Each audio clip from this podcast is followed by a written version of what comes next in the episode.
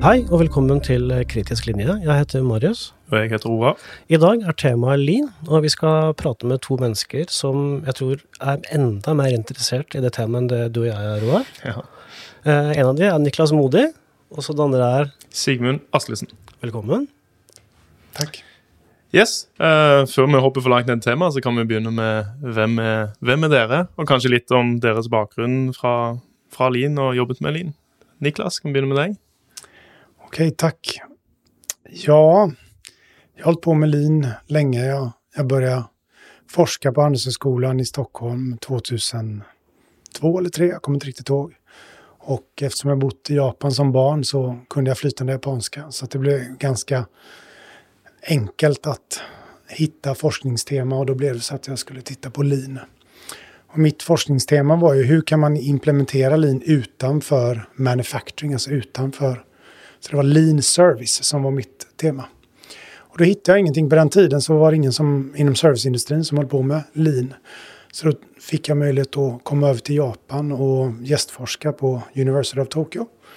Och titta hur Toyota har spridit the Toyota Production Systems till deras bilåterförsäljare. Så jag tittar på försäljning, service, administrativa processer och var med i det första teamet i Japan som fick komma in på Toyota och se har de verkligen applicerat TPS då. Så det var länge sedan, 2006 till 2008. Och sen dess kom jag tilbake och har föreläst om det och skrivit böcker om det och arbetat som rådgivare inom det. Och 2000, eh, jag tror det var 16, så lämnade jag akademin. Och sen dess har jag jobbat som rådgivare med exakt samma sak och implementera lean inom olika typer av industrier. Mm. Inkludert byggebransjen. Ja. Mm. Spennende. Yes, Sigmund, hei. Hvem er du?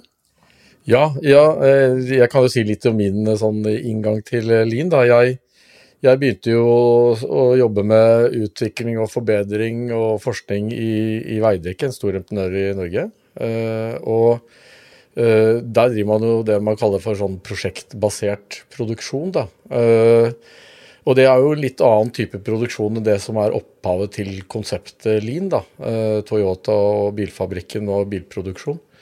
Men min interesse var uh, liksom i det. Altså hva er spesielt med vår type produksjon, altså det vi driver ute på byggeplassen, og hva er det man kan bruke av det man uh, driver med i en helt annen type produksjon som er ikke direkte overførbart, men som kan tilpasses, da, både av liksom, verktøyer og prinsipper.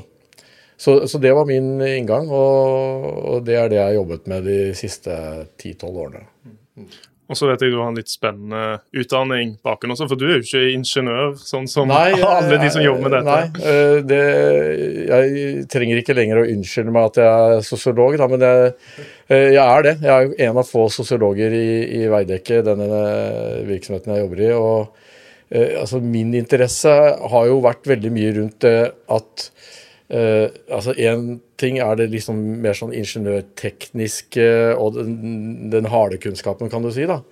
Men uh, det som også er veldig viktig når man jobber med det konseptet Lean, er jo det å få med seg folka. Uh, og det å tenke på liksom team og hvordan folk samhandler og sånn, det er en viktig bit av det, det òg.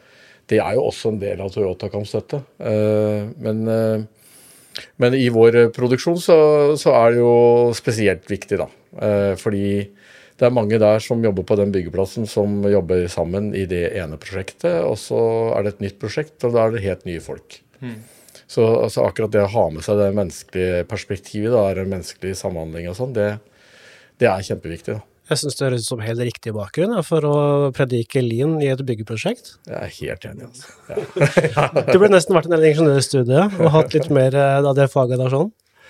Ja, men jeg er sånn, jeg, samtidig så er jeg en sånn produksjonsnerd. Det har egentlig alltid vært. Eh, liksom Vokst opp i Horten og tre generasjoner før meg jobba på verftet og egentlig liksom alltid hatt en interesse for produksjon. da. Eh, men samtidig syns jeg dette med mellommenneskelig samhandling er interessant. Jeg har alltid syntes det har vært interessant òg. Så jeg har klart å kombinere det, da. Ja, så kult. Mm. Ja. Men uh, jeg deler den interessen der sånn. Jeg er helt enig. Den, den menneskebiten er, er jo altså klar, Klarer du ikke å få menneskene til å samarbeide, så hjelper det ikke hvor bra metode du har. Du må få de folka til å fungere. Ja. Å ha litt den insekten der sånn, kjempeviktig. altså. Mm. Det er jo også et uh, sånn tankekors at uh, lean sånn, Vi skal jo litt inn på detaljene her. Um, men, men, noe av det første jeg lærte om det, var jo at det jo handler både om å effektivisere produksjon, men det er jo en kulturgreie. Og da kommer jo menneskebiten inn veldig mye. ikke sant? Så det er en ganske spennende kombinasjon å ha med seg. Jeg lurte på om vi skulle, Før vi hopper for mye ned i detalj, kanskje vi skulle rykke helt tilbake til start? Hva er Linn? Hva er lean? Altså, ja. Hvor kommer det fra? Eh, noen av oss har jo lest sikkert mange bøker og hørt om Toyota Way, Toyota Production System og en krigsherja økonomi på 1940-50-tallet og den type ting. Jeg tenker Her, Niklas, her har vel du definitivt dykke ned i studiene. Hvis du skal forklare liksom, opphavet til Lean, og hvorfor Toyota startet, og hvordan det startet, hva, hva pleier man å snakke om da? Ja, det det er viktig å si at det finnes mange olika innfallsvinkler på det. Det er jo et av verdens mest beforskede företag, så man får velge hvilken vinkel man tar inn i det her. Men, men en del, om vi nå ser hva Lean kommer ifrån, For det første får man jo då ta det tilbake til The Toyota Production System som er då Toyotas versjon av Lean. Och det kan man sen bryta ned til olika principer. Och det er ju två stycken principer. Det er Jidoka og det er Just in Time. Och just in time, det kom ju... Det var en situation om man tenker på at Japan er lika stort som Norge. Ehm, det er en ø, så til skillnad från Norge så er det svårt å transportera saker dit. Og, och det er är 130 miljoner mennesker som bor der. Så ni kan tenke at om man knakket på Norges dør og sa nu er det er tur, her kommer 125 miljoner japaner. hvor skal de bo? Så förstår du at det, at, at det, det er jo en, en, en helt annen brist på resurser eh, på alle olika nivåer.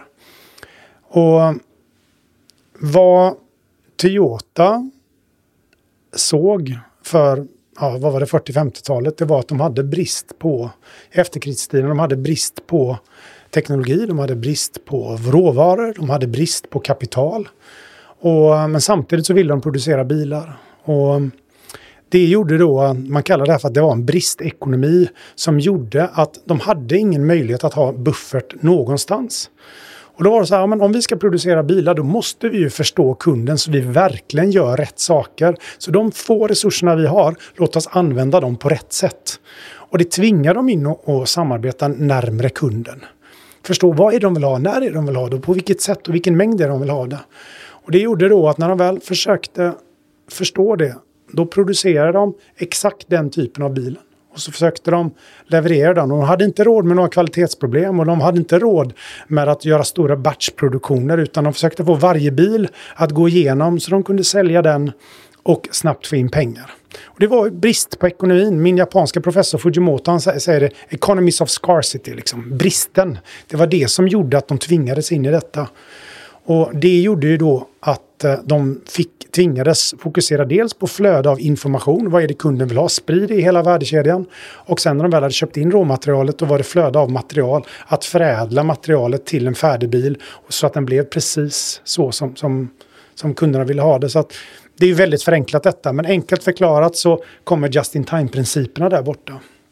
Och den andra principen, Jidoka, det kom ju långt innan bilproduktionen. Där de höll på, hade väverier. Och de kom fram till ett väveri som har trådar. Ehm, det är ju en, där den största kvalitetsproblemet där, det är ju om tråden går av. Och då, kom de, då var den första eh, loomen som de kallar alltså vävmaskinen som kunde stoppas ut av sig själv. Och det var ju enkla, väldigt, väldigt enkelt. Det var som, det hängde små gem på tråden och gick tråden av så kortslöt den sig själv. Och det gjorde då att man kunde rädda tråden. Och mm, på så sätt så blev det en smart maskin. De kom på att vi kan få maskiner att stoppa sig själva. Och det var då startpunkten för det som vi kallar för Jidoka. Alltså hur kan vi bygga in en teknik så att verksamheten stoppar sig själv när det uppstår en avvik. Det var där det började. Och det tog man med sen in i bilindustrin. Så sa man, här har vi inga trådar att hänga upp gemen på. Så att här måste vi se flytet. Och det var det som sen blev då grunden till att stoppa i, eller dra, dra i snöret så att man kunde stoppa produktionen om man, så fort man hittade fel.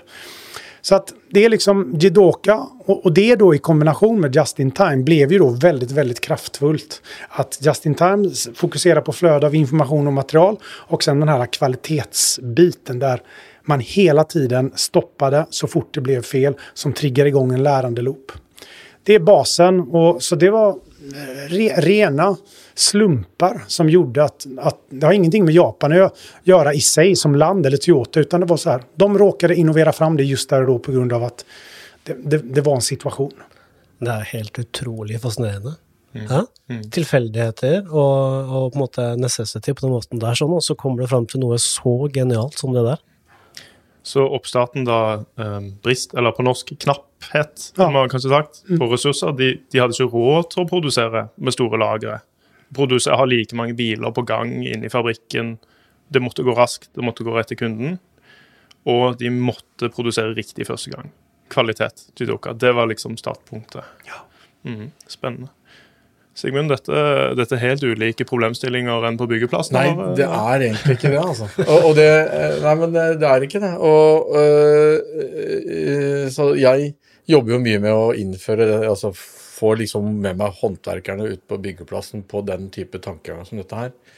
Og det er klart, for, for meg da så er det jo viktig å ikke bruke japanske ord og sånn, men, men liksom lage bilder eh, inni hodene på de håndverkerne som gjør at de eh, liksom kan relatere dette her til sin produksjon. Da. Samme Så- prinsippet Ja, ja. satt i sin Så, kontekst. så en ting som, vi, som jeg bruker mye, er en, en eh, fem minutters lang video fra Henry Ford sin samlebåndsproduksjon i Highland Park liksom, på begynnelsen av 20-tallet, 20-tallet, 1920-tallet.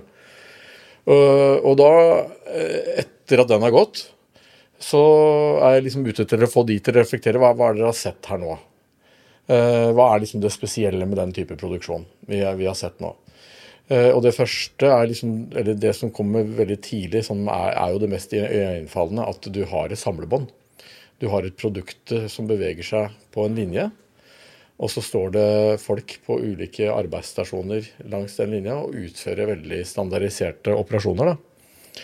Uh, og det, ja, ja, det er godt observert. Altså, er det forskjellig fra vår produksjon? Ja, ja det er det. Fordi at i, ja, Hva er forskjellig? I vår produksjon så er det jo vi som beveger oss. ikke sant?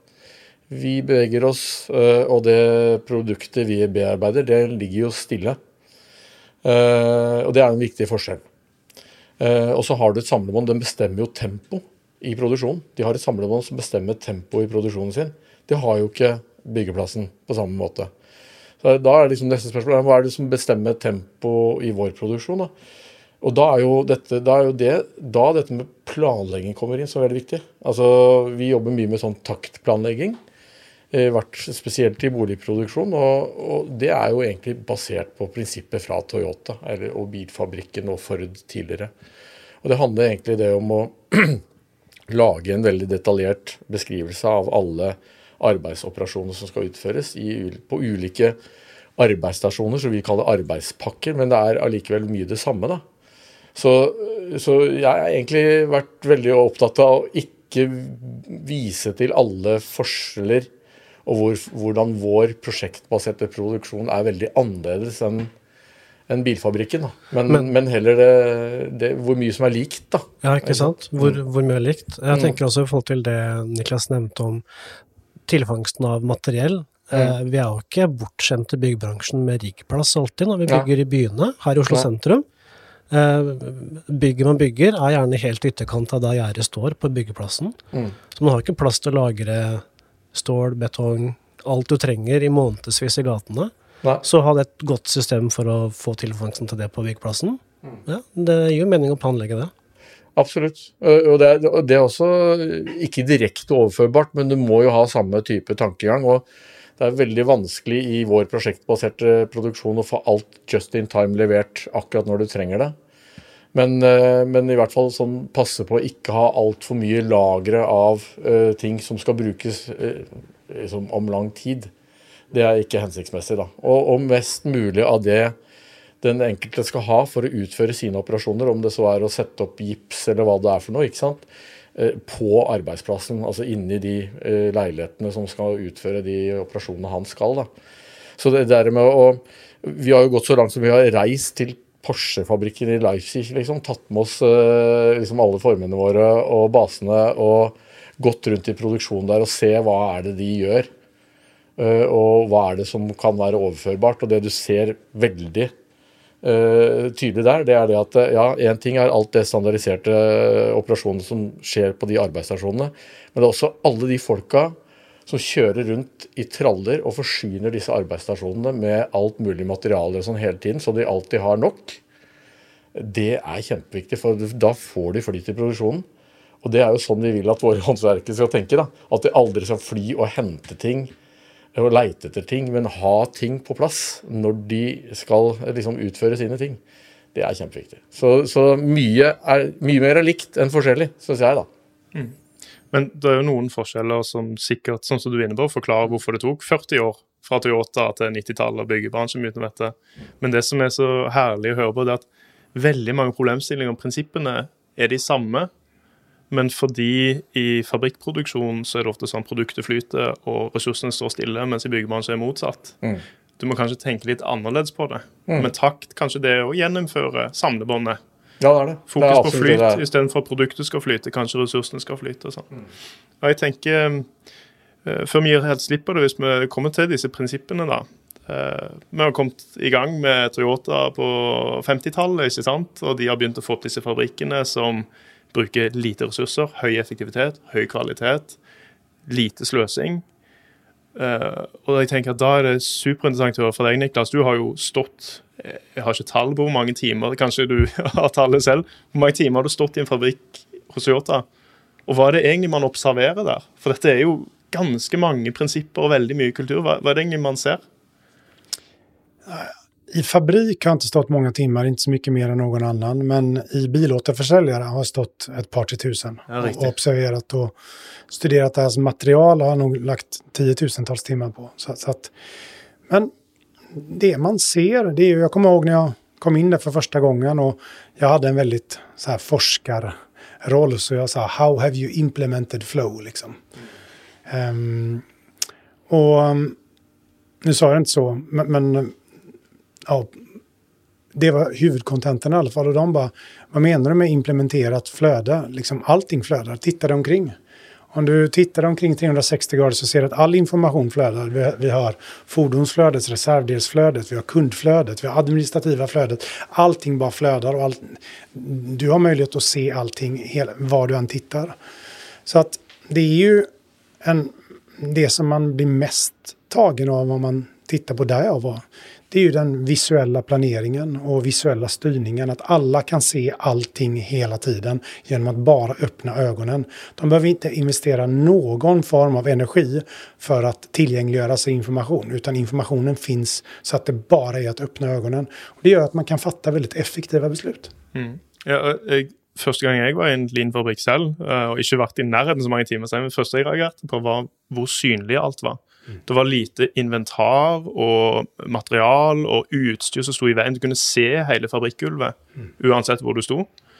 Eh, Det var sånne gule teip og visuelle markeringer på gulvene, så alt hørte til et sted. Kurver og sånn. Og det var veldig mye informasjon på veggene. Og veldig sånn lettlest med trafikklys og sånne ting. Er dette typiske kjennetegn fra en lean-produksjonshverdag? Ja, men det er jo selvklart at det er så. Det var som vi sa att huvudprincipen är flyt. Och då är det ju egentligen bara en enhet per produktionsstation som skal ska flyta igenom. Så det finns inga buffertar. Så det är ju väldigt ont om material inne, för det ska egentligen bara flyta igenom så fort det bara går. Och um, det gör ju att de har det också väldigt rent. Jag kommer ihåg en av de första fabriksbesöken jag hade. Då sa chefen att jag brukar ta med skorna och gå med mina vita strumpor genom fabriken. Om det inte är kritvitt efter den fem minuters promenaden, då är det för smutsigt. Så, så, så att liksom, det, det är ju um, fokus på att klarar vi inte att hålla rent golvet, vad klarar vi att hur ska vi kunna kontrollera kvaliteten då? Det er godt poeng, det, altså. Det er det. Mm. Sigmund, her uh, på byggeplassen noe overføringsverdi til oss som jobber ute der. Kaos, bedre. Nei, men det er eh, det som altså Det er jo også et viktig prinsipp, da. Eh, Dette her med ryddighet og orden. Det er, det er ikke så lett å innføre på, på vår plass. for på fabrikken er jo det er permanent. Eh, så det å lage synlige merker, altså sånn merker på gulvet og sånne ting, det, det, er kanskje lettere å få til sammenligna med vår produksjon. Vi bytter jo plass, byggeplass fra gang til gang. Uh, og da er det en del ting du kanskje ikke får til uh, der, som du kanskje er lettere å få til i en fabrikk. da. Men det der med ryddighet og orden, altså det er jo også en ting Altså Hvis du jobber etter sånn Nå er jeg i ferd med å snakke meg inn i litt sånn taktprinsipper og sånn, da. Uh, men hvis du jobber i, i, boligproduksjon da, og du hver uke har et skifte, nye fag kommer inn i en sone med et visst antall leiligheter, og skal utføre bestemte operasjoner, eh, de overtar den sonen fra et annet fag som var der uka før. Eh, veldig fort da så får du en veldig disiplin på det med ryddighet og orden. fordi Én ting kan man være sikker på, de sier veldig fort ifra. Uh, om ting ikke er liksom ryddig og, og ordentlig. Så, så, der stoler vi liksom litt på den disiplinen som gjelder ute blant uh, håndverkerne. Uh, uten at vi blander oss for mye i det. Men jeg tenker sånn annen ting, dette her med informasjon, da, det syns jeg er veldig interessant. Fordi det som er viktig for våre håndverkere, som også må ha informasjon tilgjengelig hele tiden på hva de skal utføre, og det å sjekke mot tegninger og sånn. Altså For oss så er jo dette her med altså, bruken av mobil og det å ha underlag på mobilen som de kan sjekke og kontrollere uh, liksom hele tiden hva de skal bygge og hvordan det skal utføres, det er kjempeviktig. Så, så på den måten så er jo uh, det, det, digitale er utrolig viktig for oss. Uh, blitt viktigere og viktigere. Og det å ha liksom, denne informasjonen tilgjengelig hele tiden, det er helt grunnleggende. altså.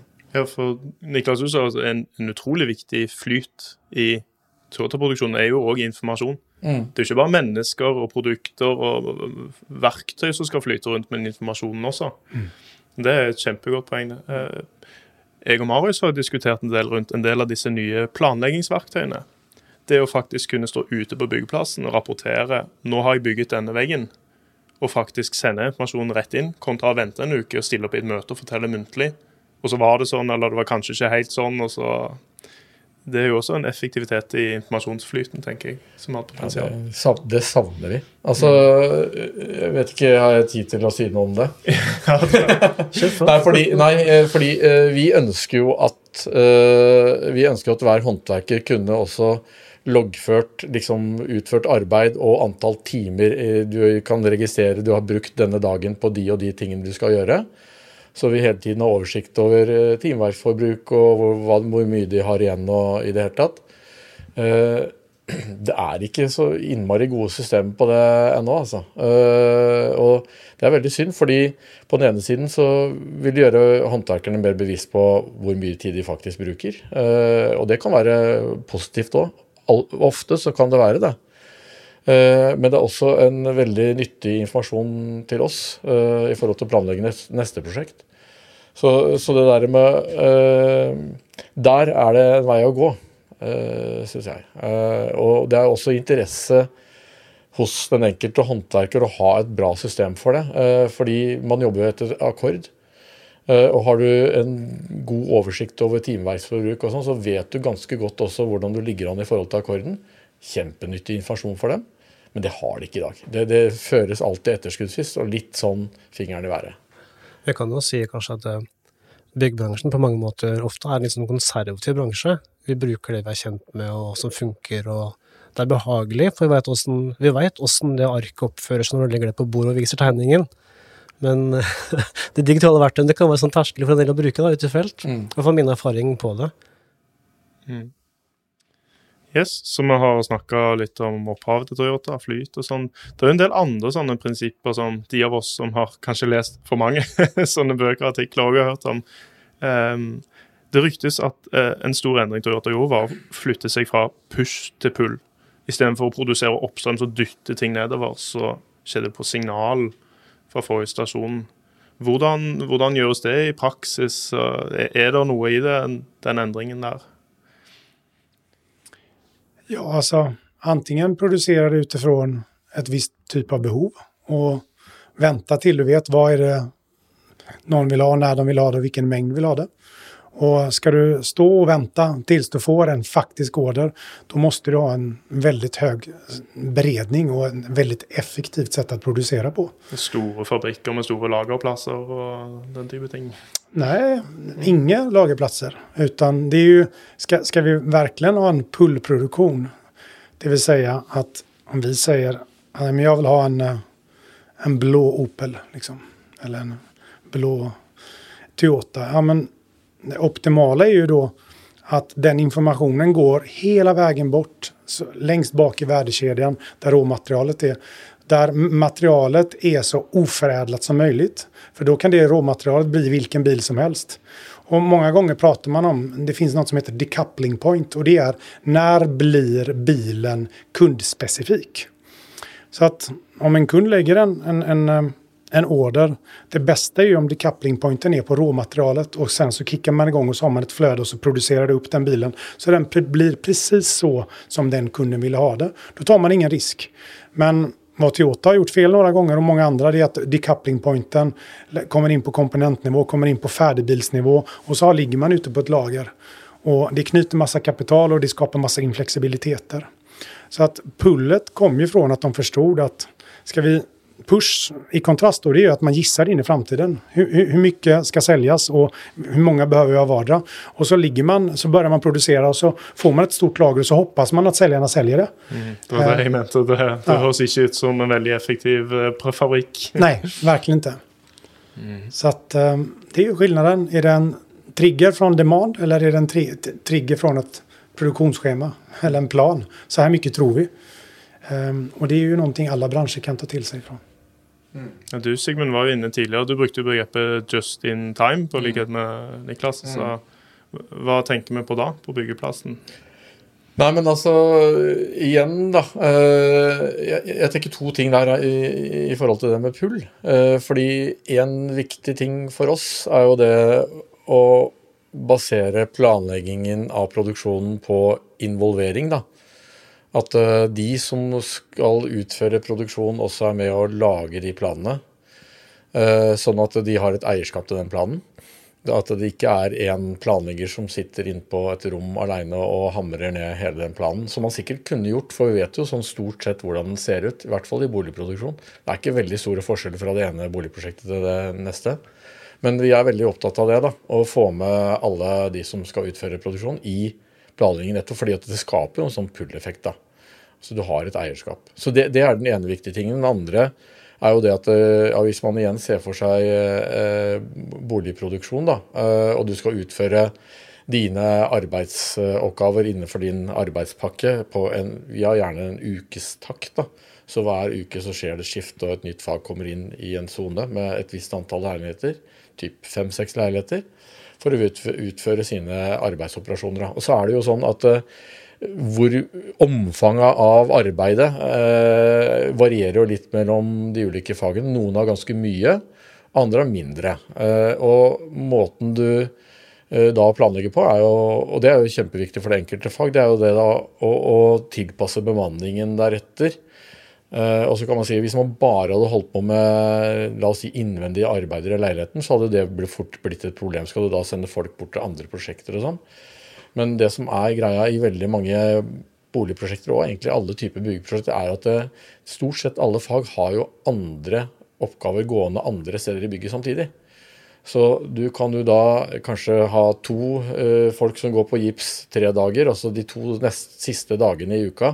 Så kan de gå et annet sted i bygget hvor det også er operasjoner som tømmer f.eks. skal utføre. Da. Så det derre å liksom hele tiden avpasse bemanning, da, etter eh, kapasitetsbehov og omfang av arbeidet sånn, er utrolig viktig. Og der er jo basen helt sentral.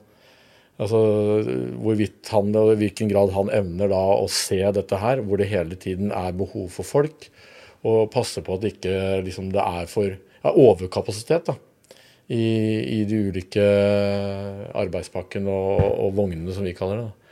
Det er kjempeviktig. For er det, er det overkapasitet, så går det utover akkorden. Det er ikke de tjent med heller. Så, så, det der er en øvelse som krever litt trening, altså. Mm. Ja. Eh, nå har vi prata litt om um, hvordan de gjorde det i Japan uh, way back in time. Eh, de har holdt på med det som ble lean en evighet. Men Når begynte vi med det i Norge? Og i byggebransjen. Og i byggebransjen, ikke minst. Når, når tok det begrepet eller den metodikken tak ordentlig her? Jeg tror det var tidlig på 2000-tallet. Eh, altså, hvis jeg skal snakke ut fra min virksomhet, så var det i hvert fall det. Da var det noen av, noen av oss som eh, Ikke meg, men noen i vår virksomhet som eh, fikk eh, veldig interesse for eh, en person borte i California, eh, universitetet i Berkeley, som het Glenn Ballard. Som, som hadde pusha litt med litt sånn problemstillinger som vi kjente veldig godt igjen. da. Eh, og dessuten var, jo en fyr som hadde erfaring fra å jobbe ute i byggeprosjekter ute på gulvet. Eh, så han hadde liksom den, den bakgrunnen der i tillegg. Og han, det han så, var jo det at Eh, han skulle lede folk som da fikk planer eh, for hva de skulle utføre i den uka og den spesifikke uka, da, som beskrev liksom alle aktivitetene deres. De holdt aldri de planene. Eh, og da, det han lurte på da, liksom, hva er vitsen med å lage planer som aldri holder? Er det ikke da greiere å, å lage planer som er mer tilpassa det man driver med, liksom? Og er, er, de som skal utføre arbeidet her, er de i det hele tatt involvert i å lage den planen? Nei, de er ikke det. Ikke sant? Så, og det var hans inngang til det. da. Uh, og det som han fort så, var det at ja, men de planene er ut, lagd ut fra en sånn der logikk om at vi driver med masseproduksjon i, i, i byggebransjen, og det gjør vi jo ikke. Vi driver med prosjektbasert produksjon, så her er det mye uforutsett. Så du kan ikke drive og lage planer som varer liksom for et helt år. Og så skal du tro liksom at det holder eh, liksom eh, fram til neste uke. Det, det, det, går bare ikke. Så du, du, må liksom planlegge i ulike tidshorisonter. Eh, og litt fra hvordan produksjonen forløper. Og så, og så, må du ha med de som utfører i siste leddet, de som utfører eh, arbeidet, til å, å, lage de planene som er nærmest produksjon. Da.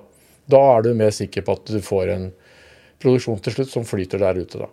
Så du må tilpasse deg eh, hele, hele, tiden ut fra hvordan eh, prosjektet løper og ting ser ut ute på byggeplassen. Så, så, så, Glenn Ballard var nok eh, viktig i hvert fall for, eh, for eh, folk i min virksomhet. Så var han en inngang til det med, med lean. da. Lean og last planner dette var tidlig 2000-tall, at noen ja. i den norske byggebransjen begynte å bevege på seg. Mm. Eh, det er vel tidlig 90-tall de første sporene mm. av det som kalles lean construction. Mm. Vel, det ble vel dannet noen foreninger tidlig tidlig 1990-tallet. Mm. Det var da Glenn også kom med Last Planner-systemet. Ja. Uh, før det, Niklas, det var sånn så Toyota kalte ikke dette her lean. Det var noe vi i Vesten kalte det vel kanskje for å prøve å kodifisere det litt. Sånn 80-tallet eller noe sånt. Da vi begynte, så begynte masse, masse andre bransjer begynte å ta dette her opp. Ja, det var 88 som den første artikkelen eh, skrevs når man hadde gjort en studie. Kraftkick eller noe. Ja, Kraftkick. Ja. Um, og sen efter 1990 så skrevs uh, The Machine That Changed the World. Och sen så kom det några uppföljare till det. Men det, det är början av 90-talet som Lean föddes. Men, men alltså, Toyota har ju ingen aning om vad lean är. Alltså, du hittar inte det någonstans. Det är nu som det börjar bli lite trendigt i Japan. Liksom. Jag var på en stor konferens häromdagen där jag fick prata om vad lean och de i Japan tycker åh, intressant liksom. eh, för de, de, är liksom, de är trötta på Toyota. Det är liksom deras Ikea, varför ska man lära sig från dem liksom? Och då hör de lean i västvärlden, det vill vi lära oss. Så kommer man dit och det blir lite viskningsleken liksom. Så här, det är bättre att ni pratar med Toyota, det är de som kan det här. Men, men, men eh, så att lean är ju bara en, en, en, en många som har försökt kopiera vad de gör från olika synvinklar. For Toyota si bare at det er, slik med, det er bare slik vi holder på. Det er sånn vi uh, gjør ting. Ja, de, de, har ju de här två grundprinciperna. Jag hade en hypotes att de skulle anpassa det till service, men de anpassar inte ett smack. Det är flöde. Uh, och det är Jidoka. Alltså det, det är det de jobbar med. Vad, de, vad, vad, menar du liksom? Det är bara att realisera principerna på olika sätt. Så, så, så att uh, det är deras två grundprinciper som de tar in precis överallt och det är inget annat. Mm. Og så 90-tallet. Noen ivrige USA, Finland Mm. og Norden var, var det noen Og Sør-Amerika var også noen sånne guruer som startet. Absolutt. Eh, Jeg tror eh, de folka fra min virksomhet i hvert fall, de henta inspirasjon fra Danmark. Mm. Hvor de hadde begynt med noe de kalte for trimmet byggeri. da. Eh, Men det var jo basert på Glenn Ballard og Lars Planner, i hvert fall i særdeleshet det, det da.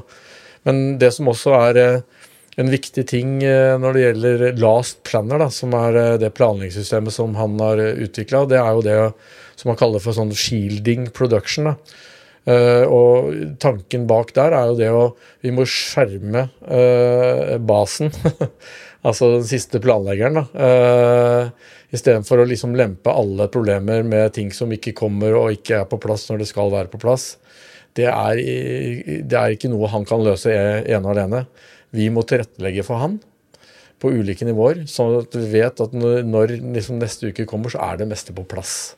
Av materialer og utstyr og tegninger og alle sånne ting. Så, så det er egentlig grunnprinsippet på, bak Last Planner, som er eh, ja, en kjempeviktig metode enda da i lean construction. da. Her er vel kanskje noen begreper vi raskt må innom. Altså, vi, vi har ikke forklart hva lean betyr engang. Skal vi ta en liten ordbok? Oppsummering? Kanskje sånn helt på toppen tampen? Ja, Ja. fordi eh, Nå må dere hjelpe meg. Lean Google translated det til slank, eller noe sånt. Og Eller da trimmet bygning, som i Danmark. ja, trimmet. Altså, jeg husker min første foreleser innen dette. Han sa at det var litt som en sånn kropp. Hvis du fjerner alt det der eh, julefettet så du ikke trenger, liksom. Du må ha litt igjen, for det, hvis ikke så går det dårlig. Men ned på det nødvendige minimumet du trenger. Slank fabrikk. Fjerne overflødige. Ja, det var, det var jo når de jämförde Toyotas fabrik på 80-talet i den här stora studien. Eh, der de såg at alle amerikanske stora fabrikerna som höll på med massproduktion hadde buffertar på alle olika plan. Liksom. Mycket folk, mycket material, stora maskiner. Så kom de inn på Toyota så var det enkel teknologi. Det fanns inga eh, buffertar nå- någonstans utan det var veldig slim production. Liksom. Och då tar de, att, men i USA har man robust production och sen har vi fragile production i Japan. Och så tyckte att fragile låter ju väldigt eh, negativt. Att det är fragil, alltså det är ömtåligt. Och det var då en eh, masterstudent på MIT sa, men let's call it lean. Ehm, men det är ju, har att göra med att de inte hade några buffertar. Det är ju samma sak som man skulle gå in på en byggarbetsplats. Om det inte är om det är väldigt clean och det inte är, står material överallt utan det är bara materialet på den dagen som man kan se. Det är ju väldigt lean. Det vill säga det är inte buffertar överallt och det är inte människor överallt utan det är bara ett fag in i varje zone. De har det materialet de behöver. Det är där det kommer ifrån så det finns ju väldigt tydliga likheter. Og så nevner du lean construction. Sant? Mm. Da begynte man å ta et eierskap til byggingen. Mm.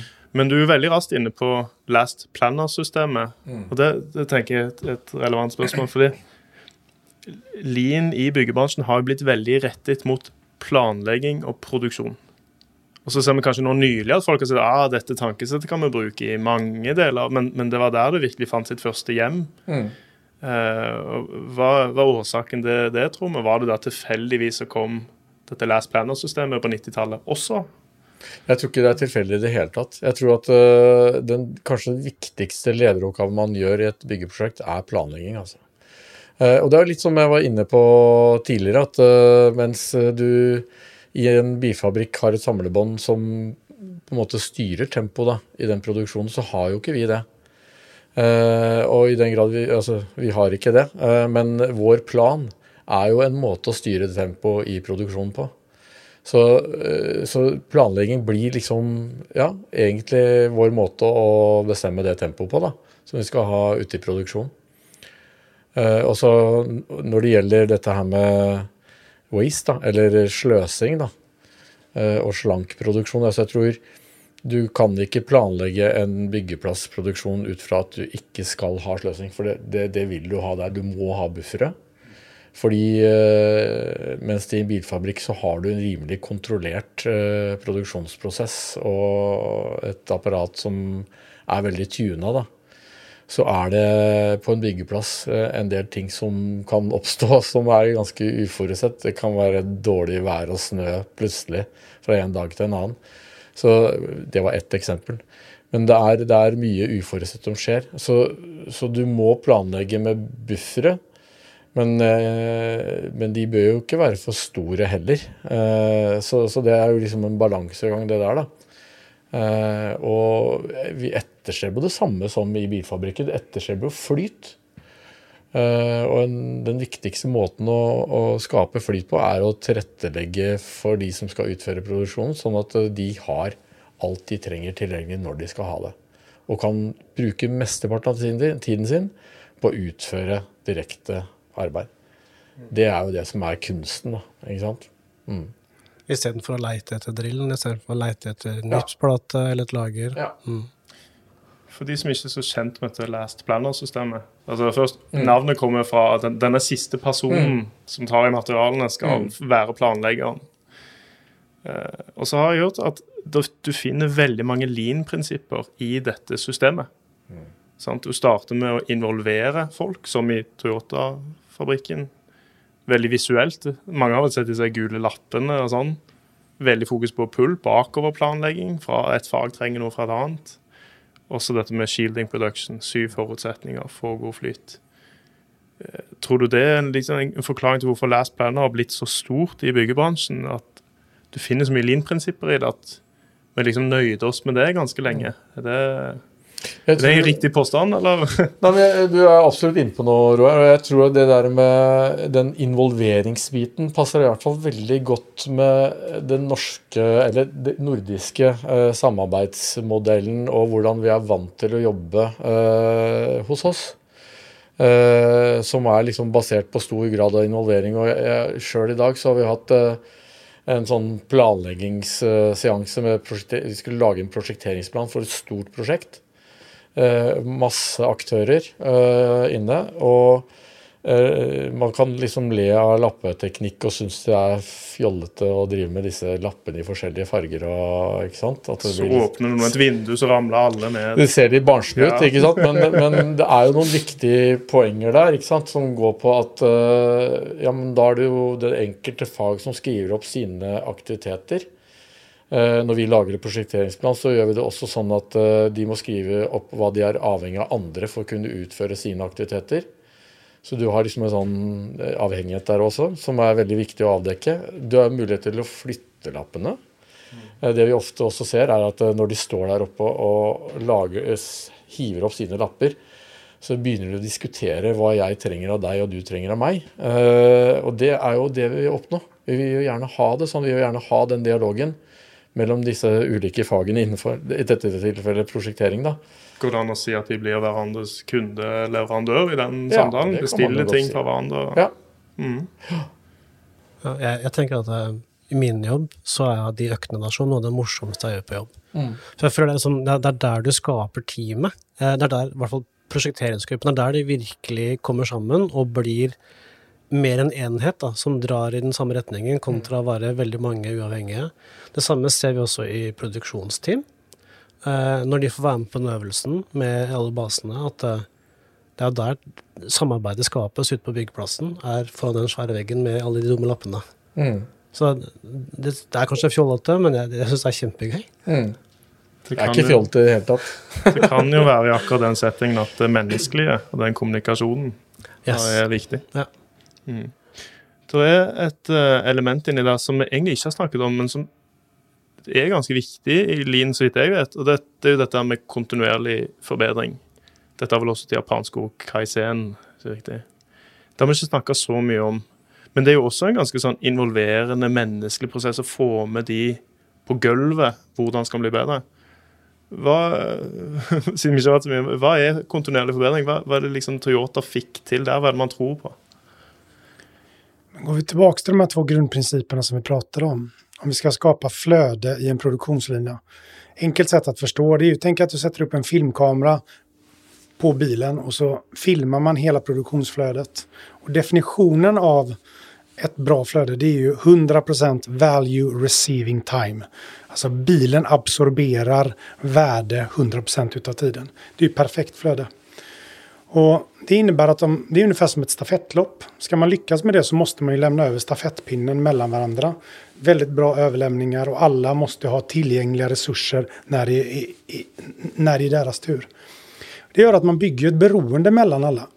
Och om alla är på plats och allting funkar, ja, men då är det bra. Men när alla är beroende av alla, det, även inom produktion, så sker det ju avvik och problem. Och för att då inte att alla ska stå helt lama och säga, men vad gör vi nu då om vi har ett problem med produktionsstation 3 liksom? Ja, men då måste du kicka igång en, en, en förbättringsloop så man löser det, för alla är beroende av alla. Det är som att springa stafettlopp, liksom. Ramla, springer löpare nummer tre och ramlar. Ja, men då måste ju de ställas upp för att alla, för, alla, alla förloras. Alla. Så att det att man bygger in ett beroende mellan genom flöde, det gör ju att det blir väldigt, väldigt mycket mer påtag. Vi måste förbättra oss direkt eller lösa problemet. Hade man inte tänkt flöde, ja, men då märker man inte ens fall någon annan har problem. Så att det är ju en konsekvens av om alla är beroende av alla, då måste vi också kunna eh, förbättra så att vi inte hämmar alla andra. Och det är ju samma sak om nu kan inte jag byggbranschen lika bra som ni, eh, men, men liksom, det är 100 procent om vi tar ett, en leilighet. Liksom. Det är 100 procent value receiving time där. Och då måste olika fag komma in. Det är stafettlöparloppen, men de går ju in då eh, mellan varandra. Och det är ju ett jätteberoende, så de kan få överlämningarna. På måndag är det nästa fag nästa fag och nästa fag. Det är precis samma beroende. Är det en som har problem, ja då kommer det hämma alla. Eftersom en försening kommer ju multipliceras ut över alla andra och då det vara ett förbättringsarbete där vi direkt kan, kan lösa det. Så att för mig, det är egentligen ingen princip utan det är ett nödvändigt ont om man ska säkerställa att alla är beroende av alla. Spännande. Hvis, eh, hvis en eh, tilfeldig person på en tilfeldig arbeidsstasjon kommer på jobb på en tirsdag og har en idé til hvordan de kan forbedre produksjonslinja. Eh, hvordan håndterer Toyota det?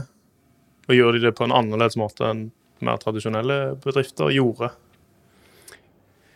De går inn og optimerer sin produksjonslinje på det settet så at alle er medvitne om hvordan de skal produsere. Og har man en idé, eller får man registrera det, Man gör det inte under tiden, utan det är ju då på avsatta förbättringsmöten ja. där man då eh, lanserar den och, och, och får testa den på ett systematiskt sätt. Så att det är väl mer att de har kommit till ett sånt läge att de håller på att liksom optimera produktionskedjan på en, på en sån nivå så alla måste vara involverade i att nej, men hur ska vi kunna optimera detta. Och då genererar man idéer under arbeidet, men sen så tester man dem på, på andre, innom andre forum. hvor mange forbedringsmøter har vi i løpet av uka? og Teste den ideen til han elektrikeren om kanskje en leilighet skulle gjort noe annerledes i Svært få. Svært få. ja. det var litt jeg mistenkte. Det, det var det du ville. Nei, men da, jeg syns uh, Niklas sier mye fornuftig her, altså. Uh, og jeg, jeg tenker liksom Du kan si at Altså sånn jeg opplever det der med kontinuerlig forbedring, da. Så tenker jeg at og det, er kanskje litt kontroversielt å si, da, men det er klart, det folk gjentar og gjentar, det blir man jo gjerne litt bedre på. Uh, altså, du blir bevisst hvordan du kan gjøre det enda bedre. Du, du søker egentlig etter hvert, egentlig nesten hele tiden, enda mer effektive måter å gjøre på, enda bedre måter å tilrettelegge på, sånn at det går enda fortere. Altså, eller bedre, eller, ikke sant. Eh, det er liksom litt av effekten med det å gjenta ting. Eh, og det gjelder jo mange eh, fasetter i livet, liksom. Altså om du driver med sport, eller hva du driver med, liksom. Så, så jeg tror det, det ligger ganske naturlig i mennesket, da. Og grunnen til at jeg sier det er kontroversielt, er fordi at i, i, vår bransje, da, eh, så, så, vil jo det si da at eh, ja, det er en fordel hvis de som går på gips, går stort sett på gips. Eh, samtidig så skal vi selvfølgelig etterskjebe jobbrotasjon når man skal jobbe med flere ting og sånn. Men det er klart, du får jo den effekten. Du blir jo spesialist. og du blir jævlig god, rett og slett. og Altså, vi kan jo bare liksom prøve å, å gjøre det eh, en tømrer gjør hos oss liksom i vår leilighet, og så se hvor lang tid vi bruker, sammenlignet med hva de bruker. Det er himmelvis forskjell, altså. De er så gode. Så, så den der spesialiseringen som skjer der, eh, i det at du utfører operasjoner som du gjentar ganske ofte, det er en kjempeeffekt av det. Og vi, selv om vi liksom ikke da, eller han eller hun, snakker så veldig mye om jeg er så opptatt av kontinuerlig forbedring, så er det det en driver med. Iboende i Ja, produksjonen. det tror jeg. Ja, det er det. Det er iboende i mennesker, tror jeg. Uh, og etterstrebe det å bli bedre på ting.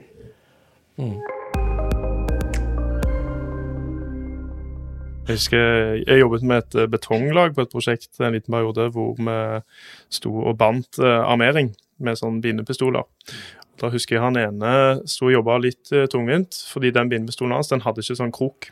Og det var ikke fordi den kroken mangla fra byggeplass, men han, den hadde forsvunnet i en container eller noe sånt. så hadde de bare gått ut og jobbet. Og så mens han sto og jobba, fikk jeg lov til å gå og lete etter den kroken. Og så satte vi den på. Og så begynte han å jobbe heller med å henge pistolen fra seg istedenfor å lene seg opp og ned og plukke den opp og sånn. Og så tok vi liksom film av dette her, og så så vi på det sammen. Og han sparte noen sekunder for hver sløyfe. Så var vi litt konservative sammen. Ett sekund per sløyfe. Og han skulle binde eh, Det var 20 000 sløyfer der nede. Han skulle binde ca. halvparten av de. 10 000 sløyfer. 10 000 sekunder. Og kanskje spart ryggen litt i prosessen, ikke sant. Det var en ganske sånn deilig liten sånn historie om kontinuerlig forbedring som jeg og han brukte litt sånn senere. Hva hvis vi hadde gjort dette hele tiden? Hele tiden jaktet det sekundet. Hver dag du kom på jobb. Men jeg tror som det, dette gjør jo veldig mange av de som jobber i produksjonen allerede. Men det er fascinerende å se skalaen det kan bli. Men jeg tykker det er spännande. Det som jag förstår om vi tittar inom produktion som bilproduktion, då har vi ett repetitivt eh, element. Vi, vi gör fler, 10 000 bilar eller 10 miljoner bilar. Så då har vi ett, en, en möjlighet att hela tiden få feedback. Hur gick den bilen? Hur gick den bilen? Men om vi bygger ett stort sjukhus för en miljard, då är det ett sjukhus. Men frågan är då hur byter vi ner det i repeterbara områden så att man kan få samma feedback-loop. Och det är de feedback-looparna som kan kicka igång en kontinuerlig förbättringsloop. Och då måste vi sörja för att vi faktiskt delar upp elefanten i just repeterbara områden som kan kicka igång. För att gör vi inte det och vi tillåter massa variation och, och vi, vi planlegger ut, uten å ha det tankesettet med oss, ja, da er det utrolig svårt. Det er som å städa en lägenhet en gang. Ja, det var bra. Men det er andre gången, tredje gangen, fjärde gangen som jeg kan börja få. Då måste vi se till, ja, men vad är de här repeterbara områdena? Och det kan ju ni väldigt mycket mer om, men det är där jag ser taktplanläggningen är fantastisk. Det är inte bara det at man eliminerer, Alltså nu pratar vi inom, inom, inom bygg då, alltså att man inte att man eliminerar variation, variation men det jo öppnar ju också upp för en möjlighet til kontinuerlig förbättring. Så Niklas, du har studert lean helt fra opphavet og i en rekke bransjer. Og nå har du brukt noen år i byggebransjen. Jeg og Sigmund snakka litt om at vi har hovedsakelig fokusert på produksjon og planlegging. Men hva har du sett når du har sett på byggebransjen? Potensialet for lean, hvor det kan brukes, hvor de du har jobba med, har brukt det? Tror du at uh, lean er godt ifall jag tror det är är en annan fråga, men det finns ju definitivt en fantastisk möjlighet. Jag har fått möjlighet att jobba med Hent i sex år och, och eh, vi har haft möjligheten att, att testa många olika tekniker, både inom produktion men även inom inköp och inom projektering. Och, och det är ju samma principer, det är bara det att det tar sig uttryck lite på olika sätt. Inom produktion, ja men då sätter vi upp filmkameran, alltså om vi nu pratar om det här med 100% value receiving time, då sitter det i lägenheten. Är det inom projektering så är det på, på, på ritningen eller teckningen. Är det inom inköp så är det på kontraktet och allting handlar om samma saker. Det är bara det att hur vi får flyt. Ja, vissa kan vi liksom skapa hög repetition inom, in, exempelvis som vi pratade om med taktplanläggning. Eh, inom projektering så är det mycket svårare eftersom det är en, mer en innovationsprocess. Men vi kan fortfarande ha en takt i när vi träffas och har ICE-möten eller vad, det nu är. Det är fortfarande en takt att träffas en gång i veckan och däremellan håller vi käften. Det vill säga att vi inte stör varandra och det är också en takt med, där vi testar olika hypoteser. Och inom inköp eller hur man skapar anbud, det är också liknande tanke. Det är liksom flytet på anbudet, flytet av kontraktet. Så jag tycker det är absolut, det är direkt applicerbart. Sen om det är lean eller inte, det vet jag inte. Jag tycker lean är fel begrepp att prata om att jag vet inte vad lean är. Men att skapa flyt i olika processer, det kan man definitivt göra. Och att implementera Jidoka, det vill säga att, att få en väldigt medveten organisation kring planen och styrningen och hela tiden reagera på avvik och stoppa. Det går ju definitivt genom alla olika processer. Uh, Sigmund, uh, Lean kom til byggebransjen på 90-tallet, og så skjedde det litt ting her i Norden. Danmark var tidlig ute, og så begynte vi 2000-tallet litt i starten der. Og i, i 2014 da skjedde noe. Det er litt spesielt for meg òg, for det var da jeg begynte i byggebransjen. Noe av det første jeg gjorde, var å dra på IGLC. Hva var det, og hvorfor var IGLC i 2014 så spesielt her i den norske bransjen? Nei, Det var jo en gedigen fest, Roar. Ja. det er en god start. Nei, ja. Nei, det var jo da eh, vi hadde ansvar om å organisere den eh, årlige internasjonale eh, Lean Construction-konferansen. Så da kom det jo folk fra hele verden til Norge eh, for å presentere arbeidet de holdt på med. Og det var jo både akademikere og en hel haug med praktikere også. Det er jo det som er litt sånn spesielt med akkurat IGLC, er at det, det er jo et nettverk som siden 93 da, eh, har samla praktikere og akademikere i én felles setting for både å diskutere eh, liksom litt mer sånn overordna Eller litt mer abstrakte problemstillinger, kan du si. Eh, litt mer teori. Men også liksom praktiske problemstillinger, da. Og jeg syns det, liksom, det gjør egentlig det, det nettverket der unikt. Og jeg var jo med å, arrangere det i 2014. Og sto der og var kjempespent på hvordan dette gikk. Og det var ordentlig stas. Vi var vel sikkert 300 mennesker. Så det er en, en ukes konferanse ja. med litt akademia. Mm. Eh, som noen av oss syns er interessant, og så ja. er det noe som blir veldig veldig dypt. Ja. Jeg husker så noen ligninger fra noen doktorgradsstudenter om betongproduksjon som jeg er litt usikker på hvor anvendelig er. Nei, det er, jo, det er jo nerds der òg, altså, det kan du si. Men det, men det var jo også byggeplassbesøk. Mm. Dere åpnet masse byggeplasser og viste hvordan dere gjorde involverende planlegging og den type ting. Vi var en av de første som gjorde det. Uh, og vi hadde liksom introdusert en egen workshop-dag som skulle være liksom mer retta mot det praktiske og, og næringsliv og, og sånn. Uh, og det var, hadde du ikke hatt noe særlig i IGLC tidligere. Uh, så, og det har det jo vært etterpå, da.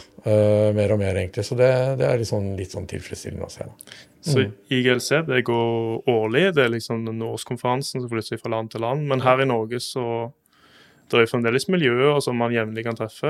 Vi er jo begge aktive Absolutt. i Lean Construction Norge. Mm. Og der òg er det vel en balanse mellom akademia og bransje, går det vel an å si?